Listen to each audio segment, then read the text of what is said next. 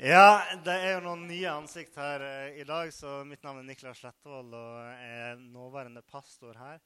Eh, sammen med kona mi Kjersti. Hun er nede sammen med barna akkurat nå. Eh, men jeg syns det er så utrolig gøy å feire jubileum og ikke minst få lov til eh, å stå i tjeneste i denne menigheten eh, som en fortsettelse på den historien til denne menigheten. Eh, i, I helga og i går på jubileumsfesten så satte vi litt fokus på alt som har skjedd her, og, og spesielt i, i misjon. Og vi fikk høre fra tidligere forstandere, tidligere evangelister som har vært her i menigheten. Eh, og, og eh, nei, det er stort å, å, stå i fortsettelsen av det, og av, av det som Gud gjør i bygda gjennom Øyer pinsemenighet. Det er virkelig stort. Så i dag så har vi jo besøk av eh, flere pastorer og evangelister eh, enn det vi pleier å ha, så presset ligger virkelig på mine skuldre for å prestere i dag. um, men jeg tenkte jeg ikke skulle ha en fryktelig lang uh, preken i dag. Men uh, jeg ville si at nå når vi feirer 75 år her i menigheten, og jeg sa det i går, så er det én ting som jeg er spesielt opptatt av å, uh, å sette fokus på. Og det er at det er ikke eh, oss og våre menneskelige prestasjoner vi feirer, men det er det som Gud gjør her i bygda, og det som Gud har gjort gjennom mennesker her i bygda. Det er det vi feirer. Eh, og, og, jeg sier det, det Gud har gjort gjennom oss, fordi at hvis det ikke hadde vært en sjel her i Øyer som hadde sagt seg villig til å stå i tjeneste for Gud, så hadde vi ikke hatt Øyer pinsemenighet. Så det Gud gjør gjennom oss, er òg veldig viktig. Eh, jeg har jo eh, drevet med litt sånn slektsforskning innimellom. Eh, og da forsker jeg òg litt på slekta til kona mi. Uh, og kona mi er i slekt med ca. halve menigheten, og resten av halvparten er gift med den halvparten.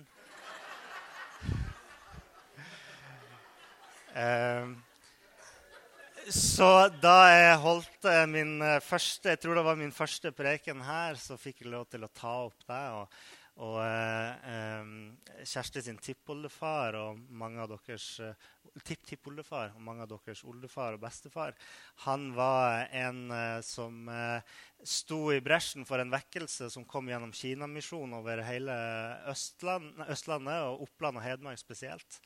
Eh, Ole Martin Johansen. Så, da, så det virkelig, virkelig gøy å være en del av den historien på en måte, og se fruktene av, av det arbeidet som har blitt gjort her. Det sto i den historieboka der jeg leste om de her tingene her, at da pinsevekkelsen kom hit til Øyer, eh, så kom den i ei tid med åndelig tørke. Eh, og, eh, og, da tenkte jeg nå feirer vi 75 år. Da pinsebevegelsen, pinsebevegelsen kom hit, så var det eh, i et tid med åndelig tørke. Og da tenkte jeg ja, hvordan er det nå? Er det på en måte, er det sånn at vi bare svømmer i åndelighet her i Øyer?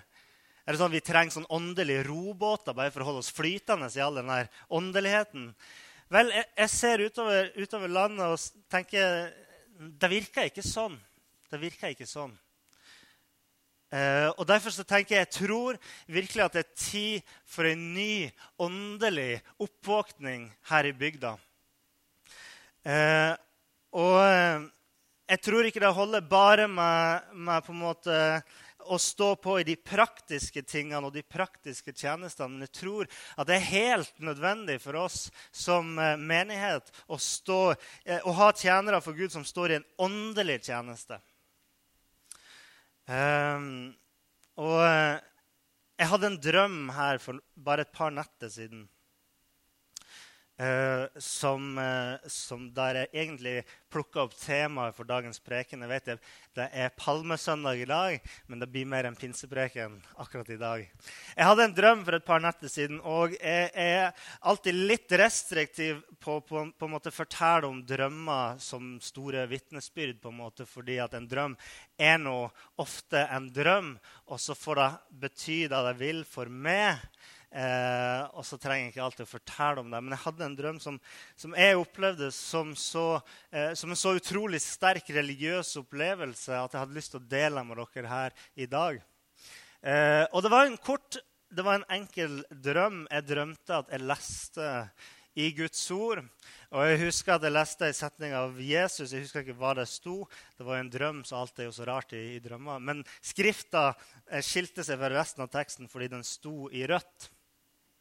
Og akkurat når jeg leste den setninga i drømmen, så ble jeg bare så fylt av Den hellige ånd at jeg falt i bakken og bare helt sånn rista. Jeg var helt slått ut av Den hellige ånds kraft. Eh, og, og, og, jeg bare ropa ut av bibelverset igjen og igjen. Eh, og når jeg da våkna, så opplevdes den drømmen som så ekte. Og jeg kjente bare Det var som en sånn prikking i hele huden, hele kroppen. Uh, så jeg var sikker på at jeg hadde løet i senga mi og liksom rista og, og ropa liksom til Gud. Så jeg måtte se på Kjersti. Var hun våken? Jeg forventa at Kjersti, kona mi, lå i, i, senga bare sånn. Hun lå og sov, så jeg regner med det, det holdt seg inne i drømmen. da. Så så i dette tilfellet så var det jo bare en drøm, eh, men det ga noe til, til meg. Eh, og jeg har jo gang på gang sett mennesker og sjøl opplevd å bli fylt av Den hellige ånd eh, på, og fylden av Den hellige ånd på en sånn eh, måte at til og med kroppen gir en synlig fysisk reaksjon, en fysisk respons på Guds kraft. Fordi sånn er jo Gud, at uh, han er så stor og kan virkelig slå oss uh, så kraftig i hjertene våre at, at vi, til og med kroppen vår påvirkes. Jeg tenker på, på Noen opplever det som gråt, noen opplever det som, som latter, noen opplever det som tungetale. ikke sant? Eh, og jeg tror at vi trenger ei sånn åndelig oppvåkning her i Øyer, der mennesker kan få lov til å kjenne fylden av Den hellige ånds kraft. Og for meg så spiller det ingen rolle hvordan den kommer. Men for meg så spiller det en rolle at vi som menighet følger Guds planer og lytter til Hans ord eh, for å mane frem gode gjerninger i vårt liv. Og at vi lever liv som vitner om Jesus og evangeliet. At vi har gode relasjoner til mennesker i bygda. Og at vi er åndelige tjenere som leder våre medmennesker til frelse i Jesus Kristus. Det er vår plan og vårt mål. Og så lenge Kristi kirke finnes på denne jorda, om det er i Øyer eller i Lillehammer, eller hvor det er, så lenge Kristi kirke finnes på denne jorda, så er det vår hensikt. Amen. Eh, for et par uker siden så hadde vi gleden av å ha besøk av Terje Hegertun, som holdt en preken her for oss. Eh, og Da snakka han om sin egen oppvekst, eh, der han sa at de voksne, da han var ung, så var de voksne veldig opptatt av å snakke om vekkelsen som hadde vært. Og det var så stort med den vekkelsen. Og Der forstår jeg at de snakka om den vekkelsen som hadde vært. Men jeg er mer opptatt av den åndelige på oppvåkninga eh, som, som, vi som menighet skal være med på å gjennomføre. Eh, og jeg, jeg, sier at vi skal være med på det fordi at jeg tror noen ganger at det har vært en litt sånn misforståelse eh, med tanke på, på, hva som skjer når det kommer sånne bølger med på en måte åndelig oppvåkning, eh, og mange mennesker blir frelst. Jeg tror at, eh, at noen kristne ofte bare har liksom gått og venta på at det bare skal komme.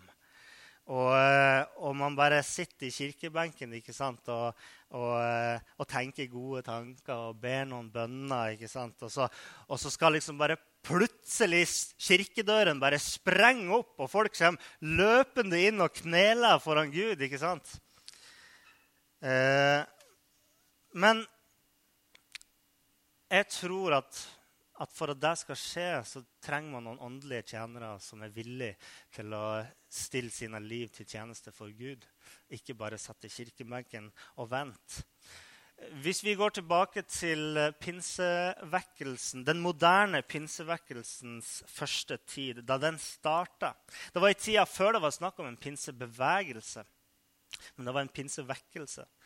Så ser vi òg at den vekkelsen kom ikke bare helt av seg sjøl, helt plutselig, helt umotivert. Men den kom som et resultat av at trofaste tjenere trodde på Guds ord og gikk på det. Eh, I år 1900 i eh, Topeka, Kansas, der var det en mann som heter Charles Parham, eh, som åpna ei bibelskole sammen med kona si. Eh, og, og, kona hans skriver om denne eh, bibelskolen at det var en skole for alle menighetsledere og kristne som var villige til å gi opp alt. Selge alt det de hadde, og gi det bort og gå på denne skolen for studier og bønn. Eh, og der vi alle stoler på Gud for mat, drivstoff, husleie og klær. Så de brukte masse tid på å studere Bibelen sammen, eh, de her som gikk på den bibelskolen. Og eh, de oppdaga noen ting som de følte hadde vært oversett, men som de ikke kunne lenger overse. Og Det var de historiene som sto om Den hellige ånd i apostlenes gjerninger, spesielt i kapittel 2. Eh, der Den hellige ånd kom over disiplene, og disiplene opplevde noen åndelige nådegaver som kom over dem. Eh, og tro som de her folkene var til Guds ord, så var de fast bestemt på at dette skulle de gjøre til en virkelighet i sine liv. Det sto i Skriften, så det må være sant. Det var deres innstilling. Så på nyttårsaften av alle dager, på nyttårsaften i år 1900, da samla de seg på et bønnemøte, 75 stykk, som passa fint siden vi feirer 75 år. De tenkte nok på det. De samla seg til et bønnemøte for å be om å få oppleve Den hellige ånd på den måten de leste om i Skrifta. Og på natta den 1. januar 1901 så ble den første av de fylt av Ånden på den måten de hadde lest om, om med de åndsgavene de hadde lest om. Så den moderne pinsebevegelsen den starta med ei gruppe med hengivne og trofaste tjenere som trodde på Guds ord, og som gikk på det de hadde lest om. Eh, Sjøl har jeg vokst opp i ei menighet eh, der eh, vi har fire store sånne bilder eller, eller planketter eller hva du vil kalle det, på veggen, der det står 'tjeneste', 'fellesskap', 'utrustning' og 'frelse' fire områder som eh, min barndomsmenighet hadde som, eh, som sine grunnpilarer. Og menigheten her er jo òg et resultat av at Gud har virka gjennom mennesker og utrusta de til tjeneste for seg, eh, til frelse for folk i øyer. Sant? Som sagt så fikk vi høre litt om den eh, historien og sånt til menigheten på eh, festen i går. Og om eh, menigheten sitt misjonsarbeid. Og vi skjønner da at her har det vært utrolig mange mennesker som har vært involvert og gjort en tjeneste for Gud. Og Paulus han skriver jo det i Efeserbrevet om hvordan Gud på en måte gir ulike tjenester til ulike mennesker. Men de, de tjenestene som Paulus skriver om, er òg mer enn bare praktiske tjenester. Eh, eh han snakker òg om åndelige tjenester. Når Paulus skriver at, eh, at noen er blitt gitt nådegaven til å være lærer, så er det òg noe åndelig som ligger i det. For meg eh, og, og som, som, menighet og som kirke så har vi som hensikt å være et fellesskap. Eh, men òg et fellesskap som går utover bare det å være et fellesskap. ikke sant? Eh, som er mye større enn det å bare være en formidler av kristen eh, på en måte kulturarv og tradisjon. Eh, og, og, vi har en hensikt som er noe mer enn å bare være en tilbyder av religiøse ritual som begravelse og, og ekteskap og sånne type ting. Så jeg vil at vi skal, vi skal se på noen punkter eh, over hva en sånn åndelig tjeneste betyr for oss. Eh, fordi de her tjenestene har en åndelig dimensjon, og, og stort sett så, så, har de en fellesskapsfunksjon fordi at anvel, anvendelsen av de her eh, tjenestegavene de er noe som definerer et kristent fellesskap. For det første så, så er denne tjenesten for Gud noe som setter oss i stand til å oppleve ulike sider av Den hellige ånd. Ikke alle av oss opplever alle sider av Den hellige ånd i løpet av vårt liv. Men som fellesskap så ser man eh, bredden av hans virke blant oss. Eh, når vi ser på den vekkelsen som starta i Topeka i Kansas i 1900, så ser vi at det åndelige utspringet som oppstod der, var bl.a. et resultat av denne gruppa av mennesker som hadde stilt seg til tjeneste for den guden som de leste om i Bibelen.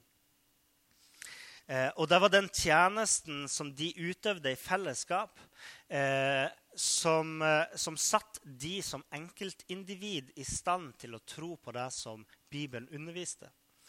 For det var i dette tjenestefellesskapet at noen av dem, kanskje en av dem, kom med den ideen om at det de leste i apostelens, apostelens gjerninger, måtte være sant for de òg. Og det var gjennom det å be for hverandre i fellesskap i bønnens tjeneste at de fikk oppleve Den hellige ånds virkelighet. Og etter hvert som pinsevekkelsen da skjøt fart, så har vi òg sett og opplevd at Gud utruster oss med forskjellige gaver.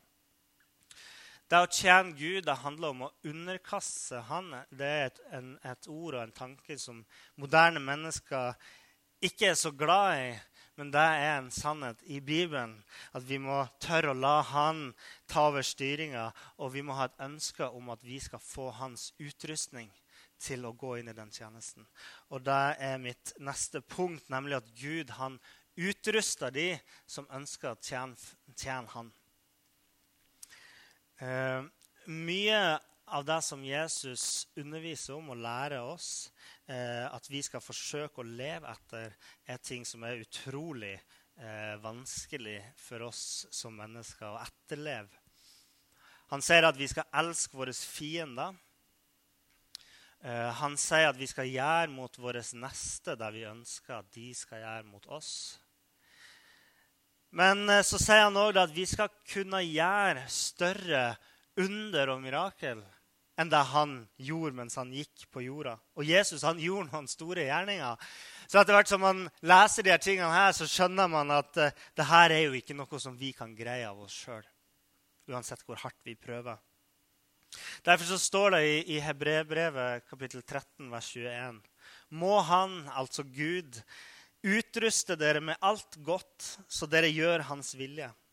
Ja, måtte Han ved Jesus Kristus skape i oss det som er godt i Hans øyne. Eh, Gud han ønsker da at vi skal kunne ta imot hans utrustning, som vil gjøre oss i stand til å tjene oss og andre mennesker og Gud. Eh, og, eh, og, det var jo det vi ser at, at Jesus gjorde. Eh, Den hellige ånd var til tjeneste for han i hans eget liv. Det gjorde han i stand til å tjene andre mennesker, og han var i stand til å tjene Gud. Eh, og for at vi skal greie det, så ønsker Gud, eh, så, som det står så fint uttrykt her i Hebrevbrevet, ved Jesus Kristus å skape i oss det som er godt i hans øyne. Ikke at vi skal skape det sjøl, men Gud kan skape det i oss. I det tre dager lange bønnemøtet som fulgte i Topeka, Kansas etter nyttårsaften der, så opplevde de nettopp det her. At Gud skapte i de det som var godt i hans øyne. Og Gud, du kan se at Gud skapte sine nådegaver i de og lot deg få, få komme igjennom de, eh, for å se det på den måten. Og Charles Parham, han som danna denne bibelskolen, han sa da at vi kom alle forbi tiggeri og trygling. Vi visste at velsignelsen var vår. Det var ikke lenger behov for å trygge og tigge. Å, Jesus var så snill og la meg smake på en liten bit av det her. De kom forbi det fordi at nå hadde de kjent at velsignelsen var over dem. De hadde fått det. Og dette er jo ikke noe fjernt som skjedde da. Men det er noe som kan skje i ditt liv.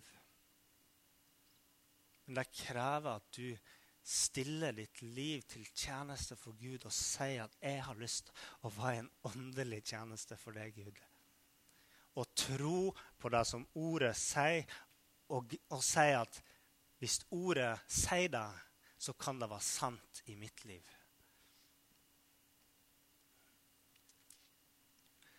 Eh, og jeg tror jo det at eh, tjenesten for Gud er ment å skje i et fellesskap i en sånn eh, klassisk Jeg vet ikke om den metoden er utdatert nå, men i hvert fall en sånn klassisk tenkning om hvordan man skal trene en god soldat i hæren, så ønsker man først å, å bryte dem ned. Ikke helt til de bryter helt ned, men, eh, men å bryte litt ned deres følelse av individualitet. Eh, for så å bygge opp alle soldatene igjen til én stor enhet eh, som følger offiserens kommando. ikke sant? De ønsker å bryte ned enkeltindividet og bygge de opp til et fellesskap som virker sammen. En hær eller en tropp eh, fung som fungerer som én en enhet, er ekstremt mye mer effektivt enn en gjeng med kverulerende ungdommer som vil gjøre ting på sin måte. sant? Så vi kan på en måte si at Gud ønsker å gjøre det samme med oss mennesker. Han ønsker at vi legger, legger oss sjøl litt vekk, eh, og, og, at vi legger litt vår egen vilje til side. Og han ønsker at vi begraver vårt gamle liv, sånn at han kan bygge opp et nytt fellesskap av troende som er én en enhet, som lever for én og samme hensikt. Er dere med? Så når Parham og de her bibelskolestudentene landa på at Den hellige ånds gaver kunne bli en virkelighet i deres liv, så var jo det en konklusjon de kom fram til i fellesskap. Og det var noen ting som de gjennomførte i fellesskap. Og eh, Hvis jeg kan bygge litt videre på det bildet med, med soldaten For en som er i Hæren, spesielt i begynnelsen, så kan kanskje noen av offiserene virke litt, ganske streng og kanskje til og med litt skummel. Eh, og man skjønner at eh, eh Ja, man skjønner kanskje ikke alltid grunnen til alt man må gjøre, og alt man får ordre om. Hvorfor skal man stå med geværet ikke over hodet i en time på, uh, ut på plassen der? Men over tid så blir man kjent med offiserene, og man begynner å forstå hvorfor de eh, ber deg om å gjøre det de gjør, og, og, man begynner å skjønne litt hvordan de tenker, i hvert fall i, i en krigssituasjon.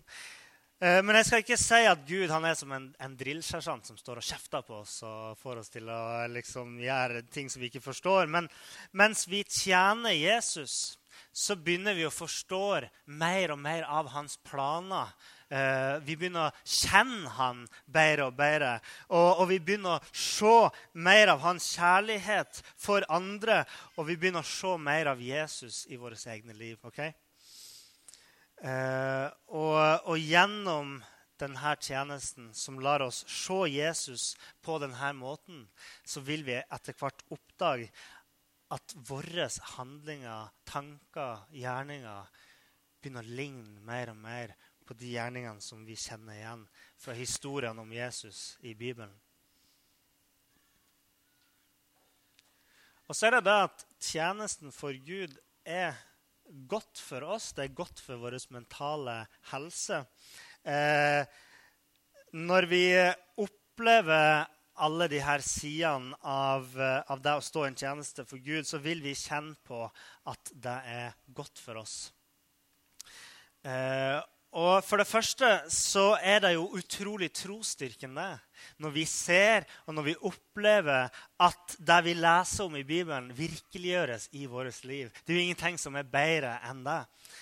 Og For det andre så er det òg kanskje personlig oppløftende å kanskje oppdage at man har nye gaver, nye talenter eh, i livet sitt. Og, og, så ser man at jeg som kanskje følte meg udugelig, jeg ser at Gud har utrusta meg til å gjøre ting jeg ikke ante jeg kunne gjøre. Og man ser at Gud han kan sannelig bruke alle. Han kan bruke hvem som helst.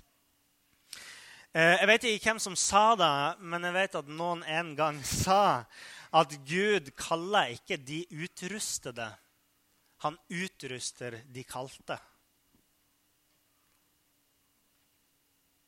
Og for det tredje så har forskere oppdaga det at frivillig arbeid er bra for helsa og bra for blodtrykket. Så det kunne like gjerne vært Helsedirektoratet som sa, sto her og sa at dere må bare tjene i menigheten. Det er godt for dere.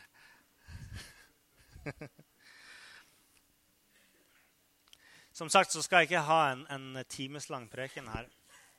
Men jeg har, har, bare lyst til å peke på det som har vært bakgrunnen for fremveksten av pinsebevegelsen eh, og bakgrunnen til denne menigheten. Eh, det er at mennesker har stått og fortsetter å stå i en åndelig tjeneste for Gud, som har latt seg utruste, eh, som har vært frimodig nok til å tro på, på de løftene som Bibelen gir, eh, og latt seg utruste på bakgrunn av det de leser om i, i Guds ord. Noen de, de tror at åndelighet er noe personlig, noe som ikke skal deles, noe som skjer i det stille inni oss, som når man sitter på kirkebenken og man hører en eh, sang eller en salme eh, som man kjenner at man blir litt varm på innsida når man hører. For noen så, så er det åndelighet. Men på pinsedag så var det ikke en stille salighet som kom over apostlene og Jesu disipler. Men det var en, en mektig åndsfylde som vistes for alle som var til stede, og alle som så dem. Fordi at Den åndeligheten som Bibelen snakker om, er ikke en stille salighet som skjer inni oss, og som vi holder for oss sjøl. Eh, men det er en åndelig tjeneste som settes ut i praksis, og som fører mennesker til frelse for Jesus.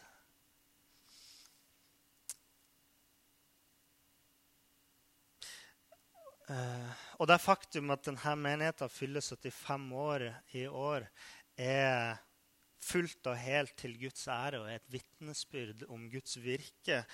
Eh, og det er på bakgrunn av at Den hellige ånd har virka i alle de her menneskene i alle de her årene, at vi er her i dag. Og jeg tror at hvis vi har lyst til å fortsette i 75 år til, da er vi nødt til å fortsette å bygge på på Den hellige ånd. Vi er, for, vi er avhengig av mennesker som er villige til å bygge i en åndelig tjeneste for Gud. Eh, og med det så mener jeg ikke at vi skal prøve å kopiere alt akkurat det samme som folk har gjort tidligere. Eh, hvis vi bare forsøker å kopiere det som vi på en måte husker, så risikerer vi å bare bli en skygge av det som en gang var. Men hvis vi prøver å kopiere det som var kjernen i det som var før Den hellige ånd At Den hellige ånd skapte noe nytt, noe levende og noe virkelig i mennesker, da kan vi se at det kommer en ny åndelig oppvåkning i øyet de neste 75 årene. Vi er nødt til å ha mennesker som står i en åndelig tjeneste for Gud. Eh, som leser i Guds ord eh, og tror det og tar det til seg og gjør det til en virkelighet i sitt liv. Og eh, det siste jeg vil si, er det at å feire det som Gud allerede har gjort. Og se tilbake på vekkelser som har vært. Det å feire det som Gud allerede har gjort, er ikke ei hvilepute for oss, men det er ei oppmuntring til å gå videre på det som Gud vil gjøre for oss i framtida. Amen.